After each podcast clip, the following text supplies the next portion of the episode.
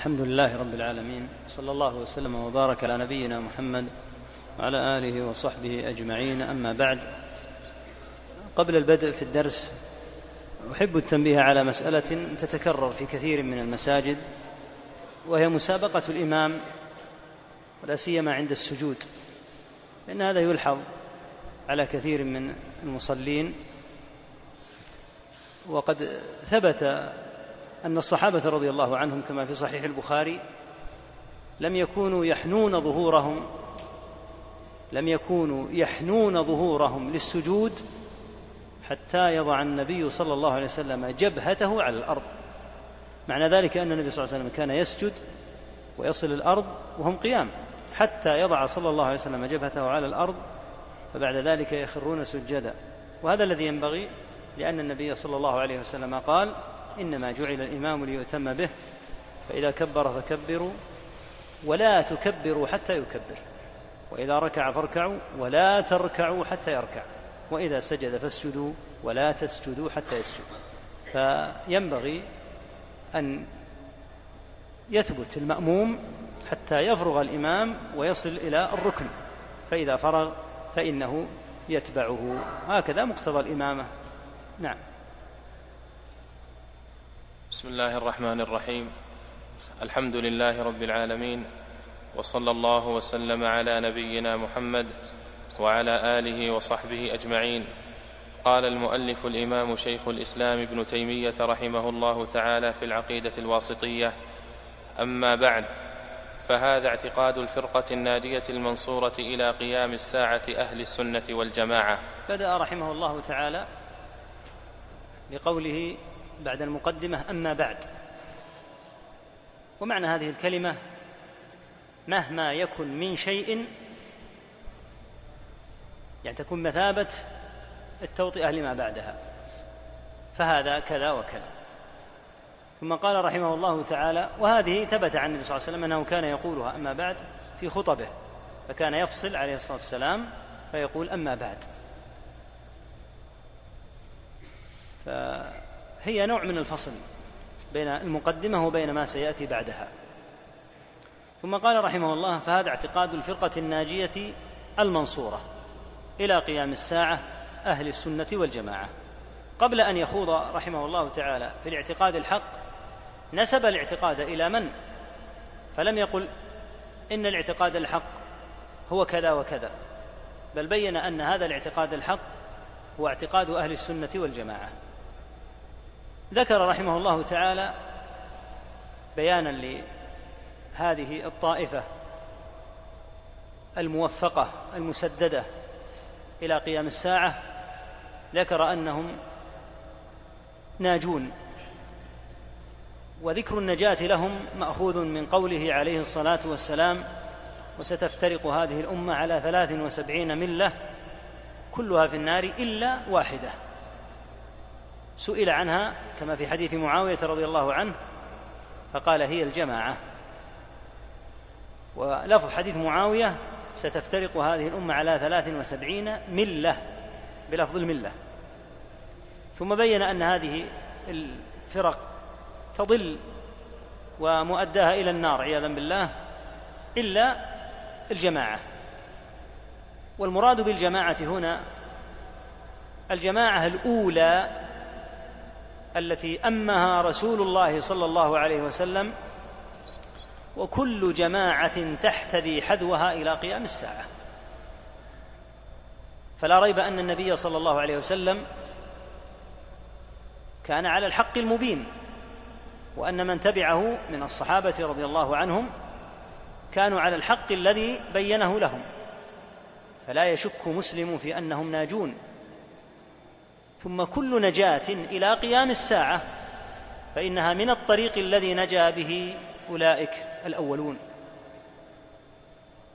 فذكر فيهم وصف النجاة وذكر أيضا امرا مهما جدا وهو أنهم فرقة واحدة لا يمكن أن تكون فرقا وهذا مأخوذ أيضا من الحديث السابق في قوله كلها في النار إلا واحدة بين انها واحدة هي الناجية. وأيضا ماخوذ من قوله عليه الصلاة والسلام لا تزال طائفة. ولم يقل طوائف. لا تزال طائفة من أمتي على الحق.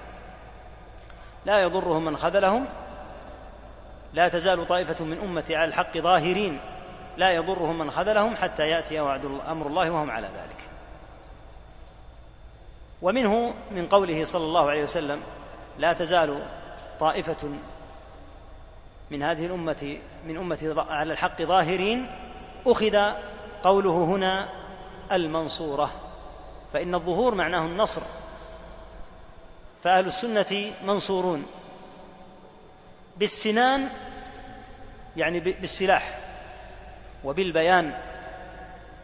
أما بالبيان فهم منصورون في كل الأحوال. ومن نعمة الله تبارك وتعالى أن يجعل العبد على اعتقاد أهل السنة والجماعة فإذا كان كذلك فإنه منصور. ولا يمكن أن يخذل ويهزم منهج أهل السنة لأن الحق لا يهزم.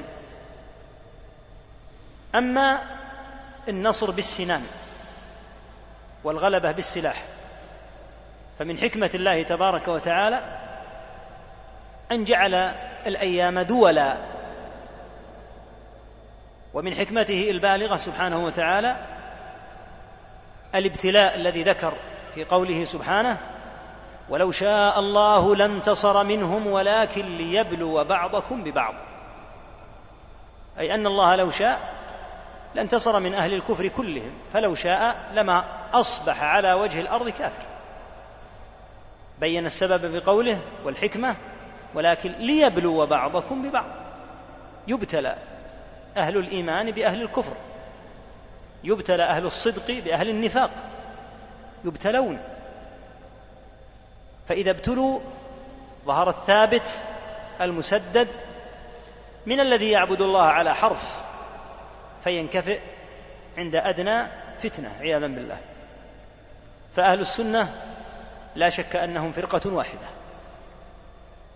ومن هنا نبه الشراح إلى أن إدخال أحد من غير السالكين على مذهب السلف ضمن الفرقة الناجية أنه خطأ عظيم كما أدخل بعضهم الأشعرية والماتوريديه وقالوا إن أهل السنة ثلاث فرق قالوا إن أهل السنة ثلاث فرق. السلفيون والأشعريون والماتريديون. هكذا قالوا. وهذا من العجائب بل والله من الألاعيب.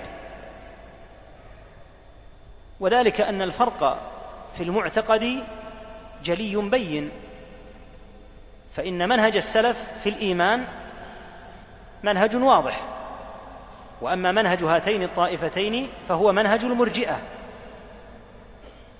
بل وليس مرجئة الفقهاء بل هو منهج مرجئة عندهم غلو في الإرجاء. هذا فيما يتعلق بالإيمان. وفيما يتعلق بالقدر فإن الأشعرية جبرية سلكوا مسلك الجهم بن صفوان والماتريدية أقرب إلى المعتزلة. وفيما يتعلق بالصفات الأمر واضح. القوم لا يقرون بأكثر الصفات. فقد سلكوا على مسلك الجهمية والمعتزلة. فكيف يقال إن هؤلاء ضمن الفرقة الناجية؟ قد نبه إلى هذا الشيخ العلامة محمد بن عثيمين رحمه الله في الشرح وبين خطأ وبين خطأ هذا. ثم إن سلف الأشعرية والماتريدية هم الكلابية.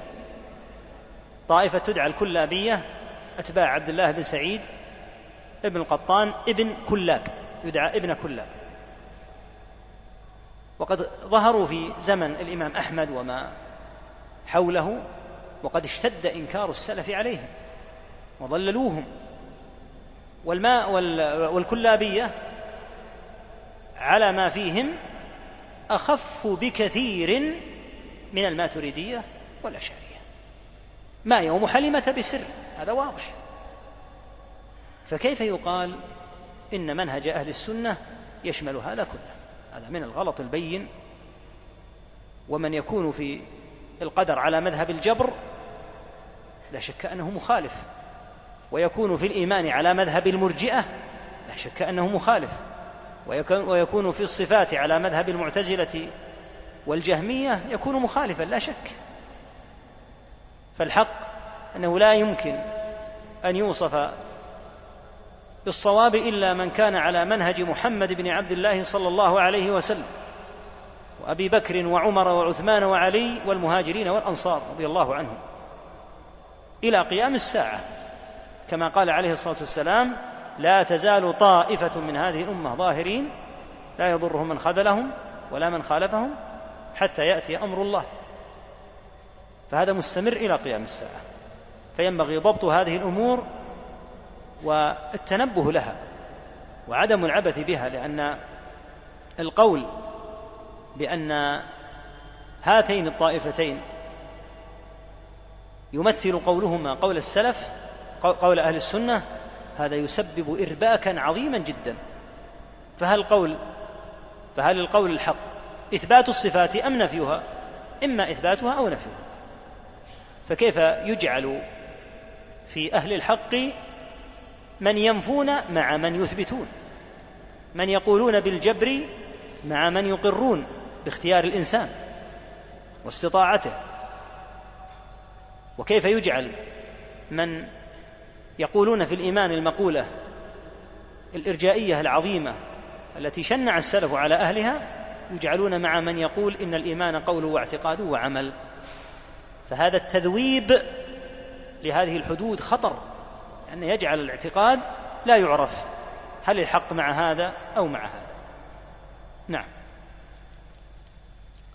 وهو الإيمان بالله وملائكته وكتبه ورسله والبعث بعد الموت والإيمان بالقدر خيره وشره. ذكر رحمه الله أصول الإيمان الستة. الاعتقاد الحق هو في هذه الأصول الستة. ومسائل العقيدة كل مسائل العقيدة ترجع إلى هذه الأصول. فالعقيدة الإسلامية هي في هذه الأصول وكل مسائل الاعتقاد ترجع ولا بد إلى هذه الأصول. إما الأصل الأعظم الأكبر الإيمان بالله أو الإيمان بالملائكة أو الكتب أو الرسل أو اليوم الآخر أو القدر. فمسائل الاعتقاد ترجع إلى هذا. ولهذا عني أهل العلم بهذه الأصول العظام وجاءت في أكثر من نص منها الحديث المشهور المعروف حديث جبريل عليه الصلاة والسلام أنه سأل النبي صلى الله عليه وسلم عن الإيمان فقال الإيمان أن تؤمن بالله وملائكته وكتبه ورسله واليوم الآخر وتؤمن بالقدر خيره وشره. وذكر الله عز وجل هذه الأركان في أكثر من موطن. فذكرها في قوله ليس البر أن تولوا وجوهكم قبل المشرق والمغرب ولكن البر من آمن بالله واليوم الآخر والملائكة والكتاب والنبيين. ذكر خمسة من هذه الأركان. أركان الإيمان أو أصول الإيمان.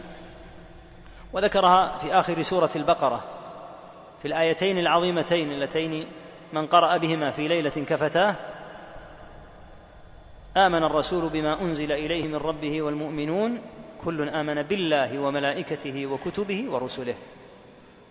ففي الآية الأولى ذكر خمسة من أصول الإيمان. وفي هذه الآية ذكر أربعة. وذكر القدر في مواطن منها قوله تعالى إنا كل شيء خلقناه بقدر وقوله تبارك وتعالى ما أصاب من مصيبة في الأرض ولا في أنفسكم إلا في كتاب من قبل أن نبرأها. إن ذلك على الله يسير. والإيمان حقيقة مركبة من أمور ثلاثة عند أهل السنة. قول اللسان وذلك بنطقه بكلمة التوحيد واعتقاد القلب وذلك بأن يتواطأ ما في القلب مع ما في اللسان.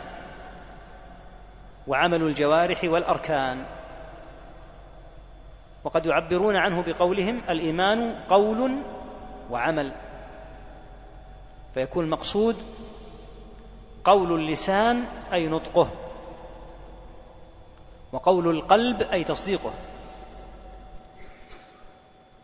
وقوله عمل عمل القلب وعمل الجوارح.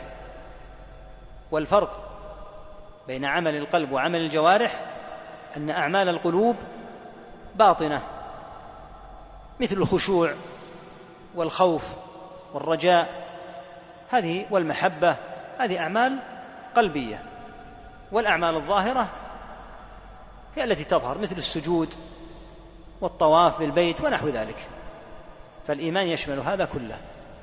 ولهذا ثبت في غير ما نص جاء في القرآن العظيم وثبت في غير ما نص من السنة تسمية الأعمال بالإيمان. كما في قوله صلى الله عليه وسلم من صام رمضان إيمانا واحتسابا فدل على أن الصوم من الإيمان عمل من الإيمان. ومنه قوله عليه الصلاة والسلام في حديث وفد عبد القيس آمركم بأربع آمركم بالإيمان بالله. أتدرون ما الإيمان بالله؟ في كتاب المواقيت من صحيح البخاري رواية عن ابن عباس. مهمة. في حديث وفد عبد القيس في حديث وفد عبد القيس قال ثم فسرها لهم. يعني فسر قوله آمركم بالإيمان بالله. وفسر الإيمان بالله بالأعمال الظاهرة من الصلاة والزكاة وأداء الخمس من الغنائم. مع الشهادتين وهذه أعمال. ولهذا قال الله تبارك وتعالى وما كان الله ليضيع إيمانكم. وهذه الآية نزلت بعد أن وجهت القبلة إلى الكعبة. فتساءل الصحابة رضي الله عنهم عن إخوانهم الذين ماتوا وعن صلاتهم السابقة حيث كانوا متوجهين إلى بيت المقدس. فأنزل الله وما كان الله ليضيع إيمانكم أي صلاتكم. فأطلق على الصلاة الإيمان لأن الصلاة عمل والعمل من الإيمان. وثبت عنه عليه الصلاة والسلام أنه قال الإيمان بضع وستون شعبة. هذا يدل على أنه أجزاء. وبين من هذه الأجزاء قال فأعلاها قول لا إله إلا الله وأدناها إماطة الأذى عن الطريق والحياء شعبة من الإيمان. فذكر في الحديث أركان فذكر في الحديث ما يتعلق بمواقع الإيمان فأعلاها قول لا إله إلا الله وذلك نطق باللسان. وأدناها إماطة الأذى عن الطريق وهذا عمل بالجوارح. والحياء شعبة من الإيمان وهذا من أعمال القلوب. فالحاصل أن الإيمان عند أهل السنة هو هذا. أما المرجئة فإن جميع طوائفهم تخرج العمل من الإيمان وهذه علامة واضحة جدا من علامات المرجئة. من أخرج العمل عن الإيمان فهو من المرجئة. بأن يقول الإيمان هو التصديق فقط أو يقول الإيمان هو التصديق بالقلب ونطق اللسان.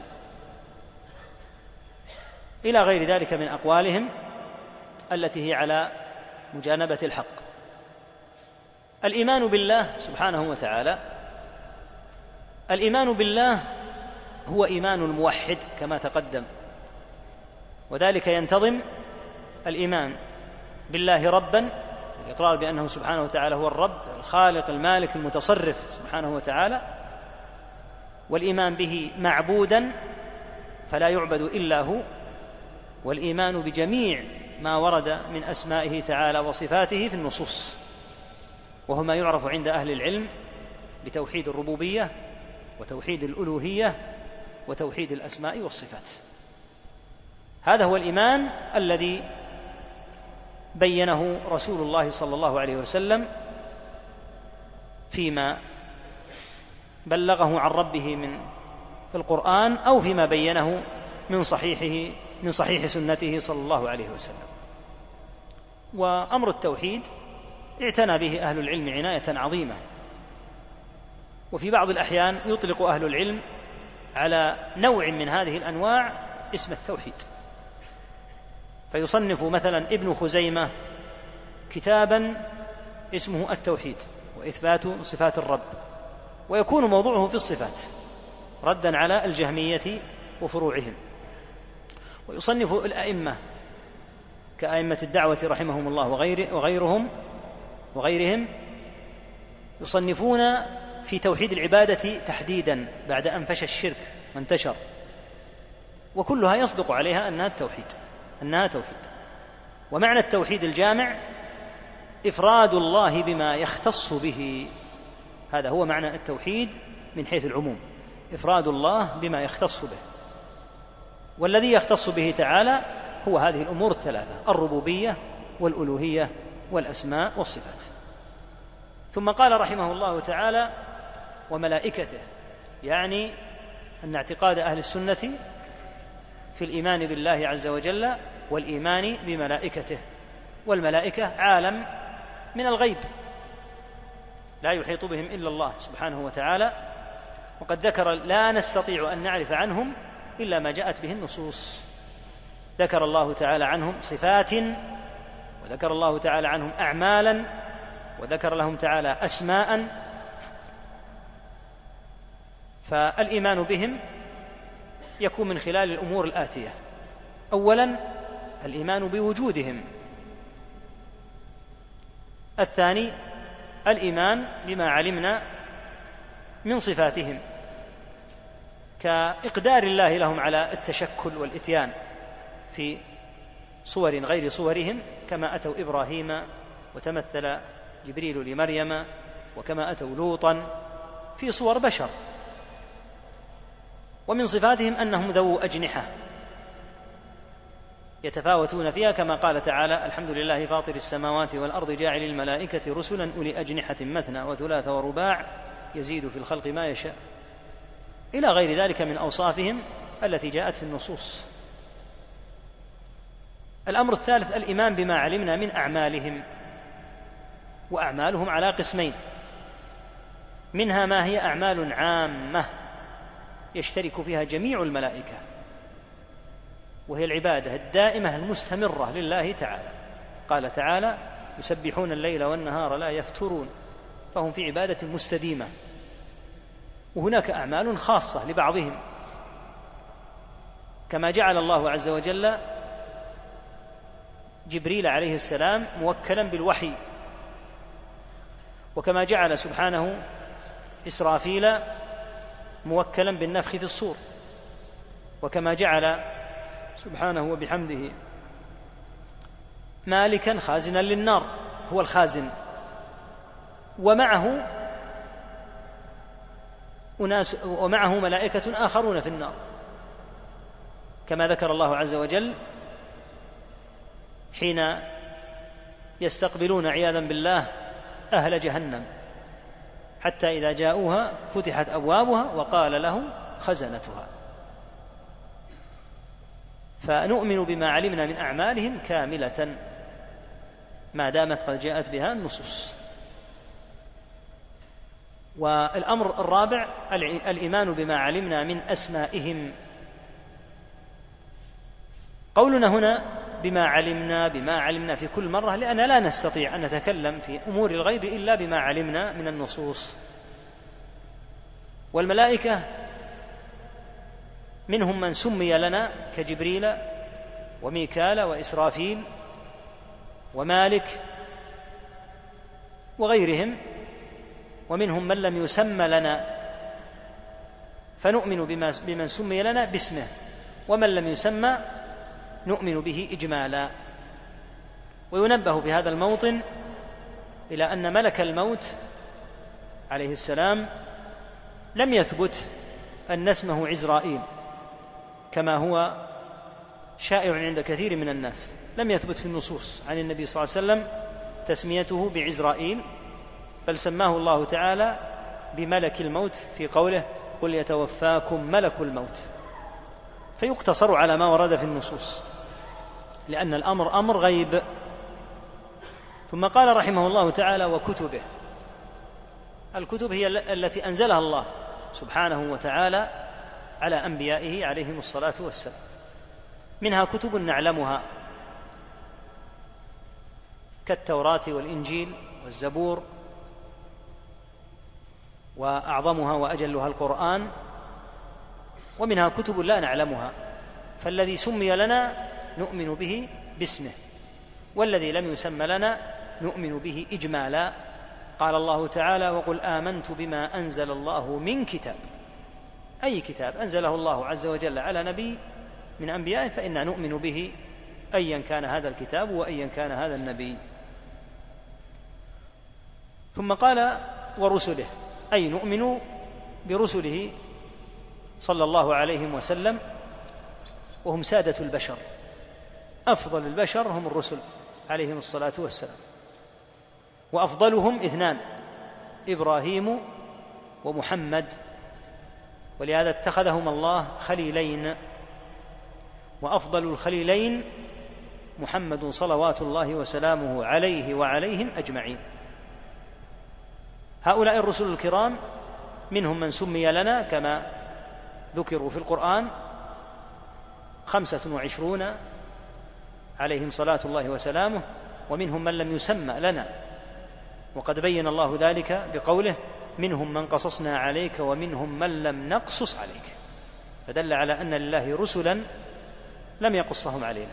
قال تعالى وإن من أمة إلا خلا فيها نذير. فالله تعالى يرسل هؤلاء الرسل للأمم ليقيم عليهم الحجة. قال تعالى رسلا مبشرين ومنذرين لئلا يكون للناس على الله حجة بعد الرسل. فهم يقطعون الحجة ويقيمون على الناس الحجة ويقطعون العذر. وهؤلاء الرسل عليهم الصلاة والسلام كما قال تعالى وما أرسلنا من رسول إلا ليطاع بإذن الله. فهم يجب أن يطاعوا أما أن يرسلوا ويبينوا ويجاهدوا ثم لا يطاعون فهذا من الخذلان العظيم أو علامة العطب والهلاك. فالواجب أن تطاع الرسل. ولهذا بين تعالى أن طاعة الرسول صلى الله عليه وسلم طاعة له. فقال من يطع الرسول فقد أطاع الله. ولما أمر تعالى بطاعة ولاة الأمر لم يطلق في طاعتهم كما أطلق في طاعة الرسول. فقال سبحانه يا أيها الذين آمنوا أطيعوا الله وأطيعوا الرسول. فلما جاء إلى ذكر طاعة أولي الأمر قال وأولي الأمر ولم يقل وأطيعوا أولي الأمر. قال ابن القيم لأن طاعة أولي الأمر مقيدة معروضة على الطاعة الأصل طاعة الله ورسوله. أما لما جاء إلى طاعة الرسول صلى الله عليه وسلم فإنه لا يمكن أن يأمر صلى الله عليه وسلم إلا بالحق. فأطلق الطاعة أطيعوا الله وأطيعوا الرسول. ولهذا بين تعالى في الآية الأخرى أن من أطاع الرسول فقد أطاع الله من يطيع الرسول فقد أطاع الله. فالواجب على الأمة أن تطيع رسول الله صلى الله عليه وسلم في كل شيء. وما ضيع الأمة إلا التخلف عن طاعة رسول الله صلى الله عليه وسلم عكس ما يصور من لا يفقه ولا يعي أن الأمة إنما تخلفت بإمساكها بتراثها وما كان عليه من قبلها. بل نقول والله ما ضيع الأمة إلا أنها تركت هذا التراث العظيم وإلا فالذين كانوا في الجاهلية يعبدون الأصنام ويأكلون الميتات ويقطعون الأرحام وكانوا من أضل خلق الله هم الذين جعلهم الله سادة الدنيا في وقتهم. هو الذي بعث في الأميين رسولا منهم يتلو عليهم آياته ويزكيهم ويعلمهم الكتاب والحكمة وإن كانوا من قبل لفي ضلال مبين. فترك طاعة رسول الله صلى الله عليه وسلم تعيد الأمة إلى الضلال المبين السابق. فالحاصل أن الرسول صلى الله عليه وسلم طاعته مطلقة واجبة. ولن يتيسر للأمة تيسير ولا نصر إلا بالعود إلى طاعة الله وطاعة رسوله صلى الله عليه وسلم. ثم قال رحمه الله والبعث بعد الموت وهذا يعني الإيمان باليوم الآخر. فإن الإيمان باليوم الآخر يتضمن أمورا ثلاثة. أول هذه الأمور الإيمان بالبعث. والبعث معناه إحياء الموتى. وما الذي يبعث؟ يبعث كل شيء. الإنس والجن والطيور والدواب كلها محشورة إلى الله. وما من دابة في الأرض ولا طائر يطير بجناحيه إلا أمم أمثالكم ما فرطنا في الكتاب من شيء ثم إلى ربهم يحشرون. فتحشر كلها. ما يبقى أحد. ثم إن المكلفين منهم من الإنس والجن يجازون ويحاسبون. وبعد ذلك يكونون إما إلى الجنة وإما إلى النار. كما قال تعالى فريق في الجنة وفريق في السعير. ويأتي كلام إن شاء الله تعالى في هذا الكتاب المبارك عن أمور اليوم الآخر إن شاء الله. ثم قال رحمه الله والإيمان بالقدر. بين رحمه الله أن الإيمان بالقدر ضمن هذه الأصول وضمن منهج أهل السنة واعتقادهم.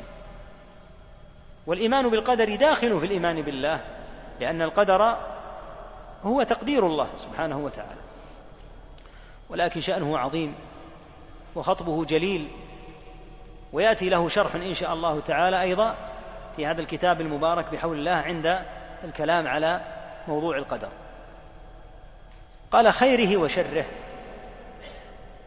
أي أن القدر منه ما يكون خيرا كالنصر والتوفيق ومنه ما يكون شرا بقدرة الله تعالى. يقدر الله تعالى الخير والشر. تقديره للخير جري واضح وتقديره للشر ينبغي أن يعلم. أنه من جهته تعالى من حيث فعله وتقديره فإنه عين الحكمة وعين الصواب. وعين الحق الذي لا شك فيه. ومن حيث وقوعه على المخلوقين فإنه قد يكون شرا. فالقدر قد يكون شرا وقد يكون خيرا ولكن الله يوقعهما معا على أكمل ما يكون من الحكمة. فالنصر يوم بدر قدره الله وهو من الخير. والهزيمة يوم أحد. قدرها الله وهي, وهي من الشر. قال تعالى في الهزيمة يوم أحد أولما أصابتكم مصيبة قد أصبتم مثليها؟ قلتم أن هذا. فبين أنها مصيبة. لما قدر الله هذه المصيبة؟ لحكمة بالغة. وهي أن يعلم أن عصيان رسول الله صلى الله عليه وسلم يمكن أن تعاقب به الأمة.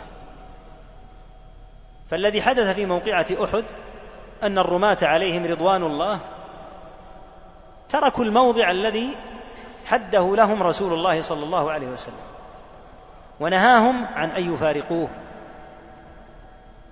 فما عصوا ألف أمر ولا مائه أمر ولا عشرة أوامر عصوا امرا واحدا. ولهم في ذلك أيضا تأول ما عصوه عنادا ظنوا أن الحرب قد وضعت أوزارها. فسلط الله عز وجل عليهم هذا القدر. وقتل منهم من قتل رضي الله تعالى عنهم وأرضاهم وجرح منهم من جرح وذلك كله درس للأمة إلى قيام الساعة يتبين به أن الله تعالى قد ينزل العقوبة إذا عصي وقد يسلط على المسلمين من هم؟ أشرار كفار. إذا كان هذا وقع زمن النبي صلى الله عليه وسلم حتى كاد النبي صلى الله عليه وسلم كاد الكفار وسعوا أن يقتلوه عليه الصلاة والسلام لولا حفظ الله له. وأصيب المسلمون بتلك المصيبة العظيمة لأجل عصيان أمر فما بالك بنا نحن ونحن نعصي؟ الأوامر الكثيرة الآن. ليلا ونهارا رجالا ونساء. هنا الحكمة في تقدير هذا الأمر. حتى يقول الناس أين الطريق؟ أين الفرج؟ فيقال الطريق إلى الله سبحانه والفرج من عنده تعالى. بأن يطاع سبحانه وتعالى فإذا أطيع عز اسمه عاد بالفرج وبالنصر والتمكين. وياتي لهذا إن شاء الله تعالى تفصيل لاحق. نعم. ومن الإيمان بالله الإيمان بما وصف به نفسه في كتابه ووصفه به رسوله محمد صلى الله عليه وسلم من غير تحريف ولا تعطيل ومن غير تكييف ولا تمثيل. أدخل هنا رحمه الله تعالى حرف من للتبعيض. لما ذكر الأصول الستة بدأ يذكر شيئا من هذه التفاصيل لأن المتقدم هو ذكر الاعتقاد من حيث الجملة. أن عقيدة أهل السنة هي الإيمان بالله وملائكته وكتبه ورسله واليوم الآخر والإيمان بالقدر. هذا من حيث الجملة. بدأ بعد ذلك في التفصيل. فمن أول ما فصل ما يتعلق بالله عز وجل وهو ما وصف به نفسه. في كتابه أو وصفه به رسوله صلى الله عليه وسلم. وفي هذه الجملة مقام مهم وهو أن وصف الله تعالى بصفة أو تسميته باسم لا يكون إلا من خلال النص الموجود في القرآن أو النص الصحيح أو الحسن في السنة. ولذا قال ومن الإيمان بالله الإيمان بما وصف به نفسه. وقد وصف الله تعالى نفسه بصفات كثيرة ياتي إن شاء الله تعالى ذكر أدلتها وذكر الكلام فيها. أو وصفه به رسوله. كذلك الرسول صلى الله عليه وسلم لا ينطق عن الهوى. فإذا وصف ربه بوصف فعلى الرأس والعين يقبل. وبه يعلم أن تلقي هذه الأمور العظام أمور الأسماء والصفات إنما يكون من خلال القرآن والسنة. الإيمان بما وصف الرب به نفسه أو وصفه به رسوله صلى الله عليه وسلم. لماذا لم يسكت؟ ويقول الإيمان بما وصف به نفسه ووصفه به رسوله صلى الله عليه وسلم. بل قال من غير تحريف ومن غير تعطيل ومن غير تكييف ومن غير تمثيل. ذكر هذا ردا على من وقعوا في هذه البدع. فإن الأمة كانت زمن النبي صلى الله عليه وسلم تتلقى من رسول الله صلى الله عليه وسلم أخبار الصفات ولا نزاع فيها مطلقا بل كانوا يقبلونها على الرأس والعين. حتى قال رجل للنبي صلى الله عليه وسلم مرة لما ذكر النبي صلى الله عليه وسلم حديثا فيه ضحك الرب تعالى قال يا رسول الله أو يضحك ربنا؟ قال نعم. قال لن نعدم من رب يضحك خيرا. يعني إن الرب الذي يضحك سبحانه وتعالى يرجى وتتعلق القلوب به. لعله أن يعفو لعله أن يحلم لعله أن يرحم لعله أن يغفر لأنه سبحانه وتعالى على هذا الحال من الغفران والرحمة والحلم. ولم يقل الصحابي ولا غيره هذا ما يليق هذا ما يصلح كيف يقال في الله ابدا. ما كانوا رضي الله تعالى عنهم وأرضاهم يقولون مثل هذه المقالات التي تنم عن سفه وقلة فهم لأن هذه الصفات وهذه الأسماء مدح عظيم للرب وأنت تقرأ القرآن تدبر هذه الصفات. تجد أن الرب يتمدح بها ويعظم نفسه بها. فكيف يقال إنها لا تثبت؟ ومن هنا فإن الله تعالى حين يعرف بنفسه كما في قوله إن ربكم الله الذي يأتيك التعريف الآن. خلق السماوات والأرض في ستة أيام ثم استوى على العرش يغشي الليل النهار يطلبه حثيثا والشمس والقمر والنجوم مسخرات بأمره ألا له الخلق والأمر انظر التمدح يتمدح الرب بهذه الصفات وأيضا في هذه الصفات وهذه الأسماء. عبادة عظيمة وهو أن يدعى الله بأسمائه وصفاته. قال تعالى ولله الأسماء الحسنى فادعوه بها. فتقول يا رحمن ارحمني. يا عفو اعف عني. كما في الدعاء المأثور الذي أرشد إليه النبي صلى الله عليه وسلم عائشة رضي الله عنها اللهم إنك عفو تحب العفو فاعف عني. وليعلم أن إنكار الصفات من أخطر ما يكون لأن إنكار الصفات إنكار لعظمة الباري سبحانه وتعالى. فإذا نفي عن الرب السمع والبصر والعلم تطرق من هذا مفسدة كبيرة. وهو أن استحقاق الله للعبادة هو لعظمة صفاته سبحانه وتعالى. فإذا نفيت الصفات انفتح باب خطير جدا وأنه لا يستحق العبادة عياذا بالله من ذلك. والدليل من القرآن على هذا قول إبراهيم عليه الصلاة والسلام لأبيه. يا أبت لم تعبد ما لا يسمع ولا يبصر ولا يغني عنك شيئا.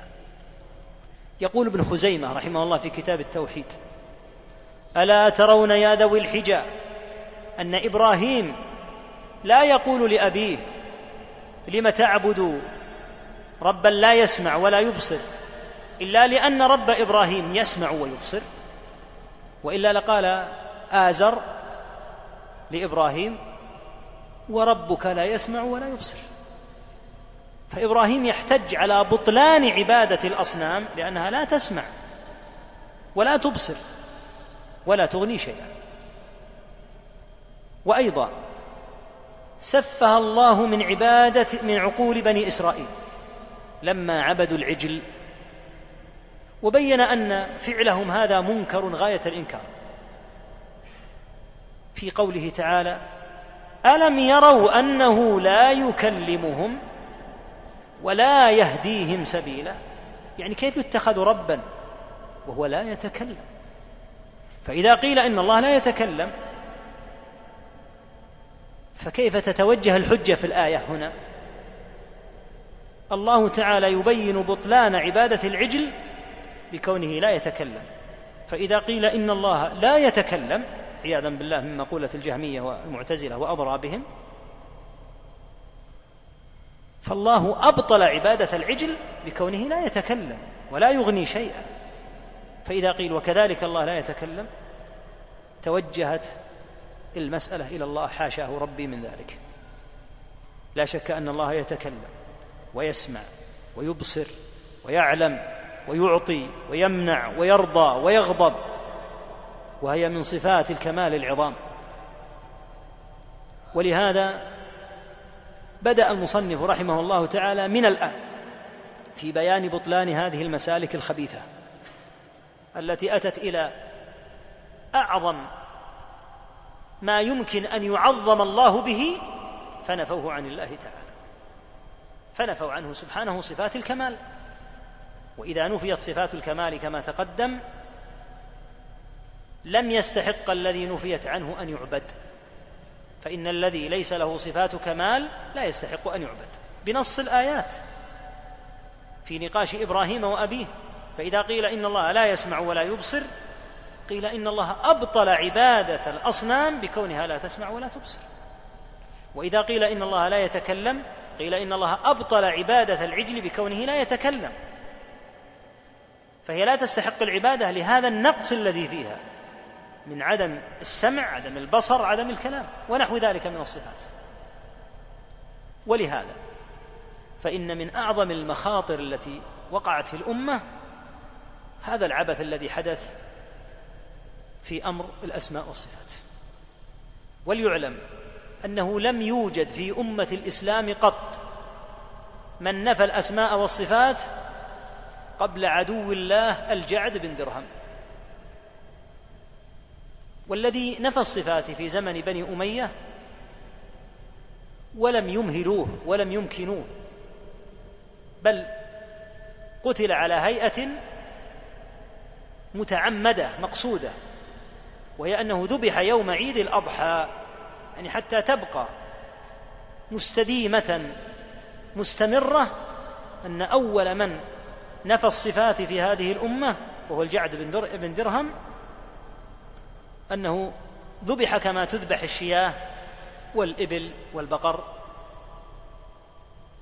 فذبحه خالد بن عبد الله القسري يقول أهل العلم بفتوى أهل العلم في زمنه لأنه بدأ ينفي الصفات. نفى أن يكون الله كلم موسى أو أن يكون اتخذ إبراهيم خليلا.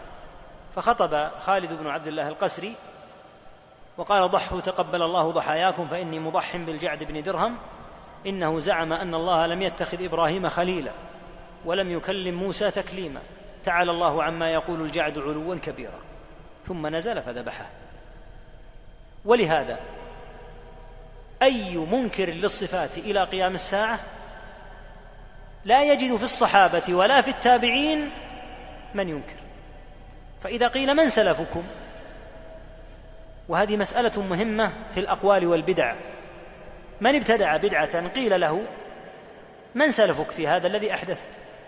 أهو أبو بكر أم عمر أم أحد من الصحابة غيرهم أم من التابعين؟ فلا بد أن يعيدك إلى مبتدع مثله. فيقال لو كان في هذا الذي ابتدعته أنت ومن قبلك خير لسبق إليه الصحابة رضي الله عنهم والتابعون.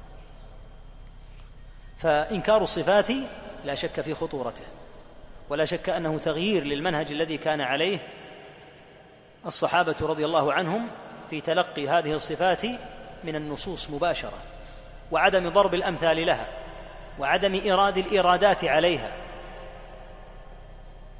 ومن هنا قال رحمه الله تعالى من غير تحريف التحريف معناه التغيير. إذا حرفت الشيء أملته. الذين حرفوا الصفات أتوا إلى النصوص نصوص الأسماء والصفات. هذه النصوص أعظم من الجبال وأرسى. لا يمكن لأحد أن يغير نصوص القرآن. فلما رأوها بهذه العظمة غيروا المعاني. وصاروا يقولوا للنص معنى غير المعنى الذي فهمه الصحابة. عندنا معنى آخر لم يفهمه الصحابة رضي الله عنهم. فالتحريف معناه تغيير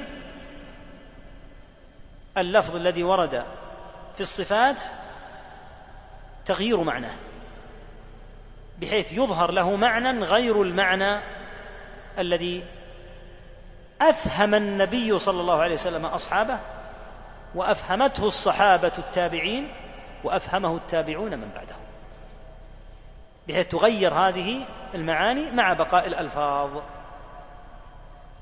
لأن الألفاظ لا يمكن أن يزيلوها ألفاظ القرآن. فعمدوا إليها وغيروها من حيث المعنى. فالتحريف هذا معناه. هو في حقيقته تغيير للمعنى. ثم قال ولا تعطيل. التعطيل معناه الإخلاء كما قال تعالى وبئر معطلة. صارت معطلة. ما الفرق بين التحريف والتعطيل؟ التحريف فيه أمران اثنان. التحريف فيه تعطيل المعنى الصحيح الذي قلنا فهمه الصحابة رضي الله عنهم وإبداله بمعنى باطل. أما التعطيل فهو إخلاء اللفظ من معناه دون أن يأتي بمعنى آخر. فمثلا التحريف في قول الله تعالى الذين حرفوا قوله تعالى الرحمن على العرش استوى أتوا إلى معنى استوى الذي فسره السلف في هذا الموطن بأن معناه الارتفاع والعلو على العرش استوى أي عليه ارتفع وعلى سبحانه وتعالى. فالمرحلة الأولى في التحريف أنهم أزالوا هذا المعنى الصحيح. المرحلة الثانية أنهم أتوا بمعنى آخر وأحلوه مكان المعنى الصحيح. ففي التحريف شيئان إزالة المعنى الصحيح وجلب معنى باطل بديلا عن المعنى الصحيح. أما التعطيل فليس فيه إلا تعطيل المعنى الصحيح فقط دون الإتيان بمعنى باطل وهذا ما يعرف بالتفويض للمعنى. بأن يقولوا إن هذه الصفات التي وردت في نصوص القرآن والسنة ليست على ما فهمه الصحابة والتابعون رضي الله عنهم. فإذا قيل هاتوا الفهم الذي فهمتموه قالوا ولا نعطيكم الفهم.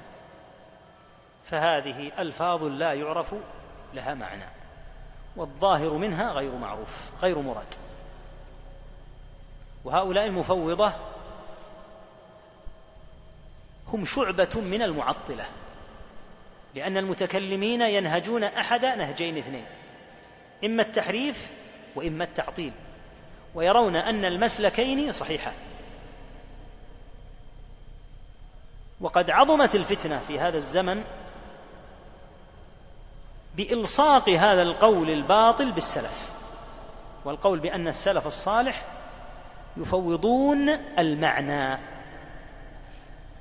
ولا شك أن هذا من أعظم الكذب والافتراء على السلف. فإن السلف الصالح كانوا يفسرون نصوص القرآن المتعلقة بالصفات بما يدل على إثبات المعنى. وضربنا مثالا بالاستواء. فإن المفوض يقول الاستواء لا يدرى معناه. يقال كذبت. يدرى معناه والصحابة رضي الله عنهم والتابعون بينوا معناه أن معناه الارتفاع أن معناه الارتفاع على العرش والعلو عليه. فقولك إن معنى استوى غير معروف وإن هذا مذهب السلف هو كما يقول ابن تيمية وابن القيم هو من الكذب على السلف. وهذا المذهب مذهب المفوضة كما قلت هو في واقع الحال الشق الثاني من مذهب المتكلمين من الأشعرية ونحوهم حيث يسلكون أحد مسلكين إما التعطيل الذي هو التحريف إما التحريف الذي هو التغيير المعنى أو تفويض المعنى. ولهذا لما سئل مالك بن أنس رحمه الله عن قوله تعالى الرحمن على العرش استوى قال السائل وأساء في سؤاله كيف استوى؟ ولم يقل ما معنى استوى وإلا لفسره كما فسره السلف قبله. لو قال إنسان ما معنى استواء الله على عرشه؟ وقال معناه ارتفاعه تعالى على العرش وعلوه عليه. فإذا قيل كيف يرتفع هنا يأتي الإنكار. وهو الذي أنكره مالك. فإن مالكا أنكر عليه قوله كيف استوى. فقال رحمه الله قولته العظيمة السلفية التي سدد فيها غاية التسديد قال رحمه الله الاستواء معلوم. يعني معلوم المعنى واضح. اسأل عن معناه تجد من قبلي قد فسره.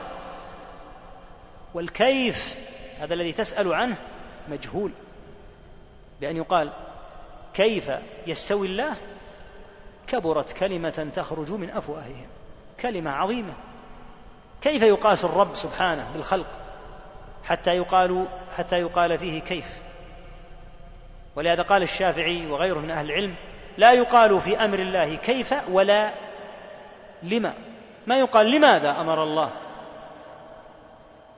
بالصلاة خمسا ولم يجعلها ستا؟ لا يجوز هذا. لماذا؟ هذه يقولها الناس بعضهم لبعض. أما العباد فلا يقولون لله عز وجل لا لما ولا كيف. فالحاصل أن ما ألصقه هؤلاء المزورون بمذهب السلف هو من الكذب البين ومن أعظم ما يبين بطلان قولهم أن ترجع إلى نصوص الصفات لتجد السلف قد فسروها.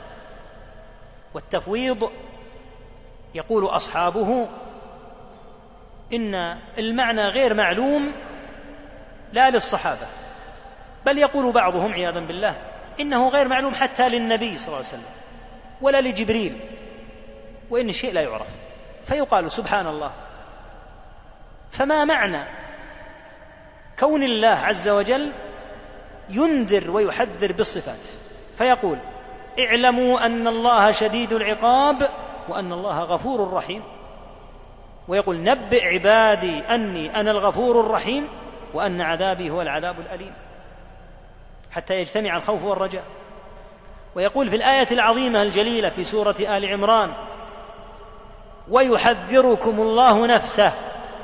وهذا أعظم تحذير على الإطلاق أعظم من التحذير بالنار. لأن المحذر هو الله والمحذر منه هو الله تعالى. فلما كانت هذه الآية عظيمة وشديدة جدا اتبعها بقوله والله رؤوف بالعباد. حتى يجتمع الخوف والرجاء. وإلا فالتحذير من الله بالله عظيم جدا. فلما تطرق الخوف من قوله ويحذركم الله نفسه أتبع تعالى بقوله والله رؤوف بالعباد. حتى يجتمع الخوف والرجاء. فإذا قيل إن معنى النصوص ما يعرف. ما معاني هذه الآيات العظيمة؟ إذن ثم هؤلاء الذين يقولون إن معاني النصوص لا تعرف. يقال ألستم تقولون اللهم إنا نسألك رحمتك؟ اللهم إنا نسألك مغفرتك؟ تسألون الله ماذا؟ تسألونه شيئا تعلمون معناه سبحانه وتعالى. وإلا فكيف تسألون الله شيئا لا تدرون معناه؟ وهكذا ما نتعوذ بالله منه. اللهم إنا نعوذ بك من سخطك. إذا قيل السخط غير معروف. مما تتعوذ إذن؟ وأي شيء تدعو ربك أن يحقق لك. فالحاصل أن مذهب السلف أن معنى الصفة معروف مفهوم معلوم المعنى. وأما كيفيتها فمعاذ الله أن يخوض فيها المؤمن الحق. كيفية الصفة؟ لا يجوز الخوض فيها. إذا كان العبد كما قال ابن الماجشون رحمه الله يقول هذا الإنسان عجز وسيعجز إلى قيام الساعة عن أن يعرف روحه التي بين جنبيه. فكيف يريد التسلق على معرفة كيفية صفات الرب سبحانه وتعالى؟ يقول اجعل لنفسك من نفسك مثالا. روحك التي بين جنبيك لا تدري بها. وكثير مما قيل فيها خبص وخبط. ولما سئل النبي صلى الله عليه وسلم ويسألون عن, عن الروح قال تعالى ويسألونك عن الروح قل الروح من أمر ربي وما أوتيتم من العلم إلا قليلا. فهذا العبد المسكين الذي لا يعرف حقيقة روحه يريد أن يتعرف على حقيقة وكنه صفات الله تعالى سبحان الله عن ذلك. أما معناها فلا شك أنه معروف لا يرتاب في أن المعنى معروف. ثم قال رحمه الله من غير تكييف ولا تمثيل. هذا رد على الطائفة الثانية المخذولة. فإن الضالين في الصفات نوعان. النوع الأول من يعطل الصفات. وينفي معانيها. وهم المعطلة. كالمعتزلة والجهمية والأشعرية والماتريدية. وقبلهم الكلابية وغيرهم. الصنف الثاني هم الممثلة. الذين يقول أحدهم يدي مثل يد الله عياذا بالله سمعي مثل سمع الله. يقول ابن تيمية رحمه الله في الرسالة المدنية وأكثر أصحابنا على أن المشبهة كفر. لأن إذا قال الانسان إن علم الله مثل علمي فالله يقول في علمنا وما أوتيتم من العلم إلا قليلا. وعلمه سبحانه وتعالى والعلم الذي لا يعزب عنه شيء. وما يعزب عن ربك من مثقال ذرة في السماوات ولا في الأرض. ويقول تعالى وعنده مفاتح الغيب لا يعلمها إلا هو ويعلم ما في البر والبحر ما تسقط من ورقة إلا يعلمها ولا حبة في ظلمات الأرض ولا رطب ولا يابس إلا في كتاب مبين. كيف يقول الانسان علم الله مثل علمي؟ أو سمع الله مثل سمعي؟ لا يقول هذا إلا مفتر كذاب. فلهذا رد على هذه الطائفة بقوله ومن غير تكييف بأن يجعل لها كيف محدد كما تفعل المشبهة والممثلة. ولا تمثيل بان لا يقال إن صفة الله تعالى مثل صفة المخلوق. حاشا لله من ذلك. وقد نفى الله هذا بقوله ليس كمثله شيء وهو السميع البصير كما سيأتي إن شاء الله تعالى في الدرس القادم. والله تعالى أعلم. وصلى الله وسلم على نبينا محمد وعلى آله وصحبه.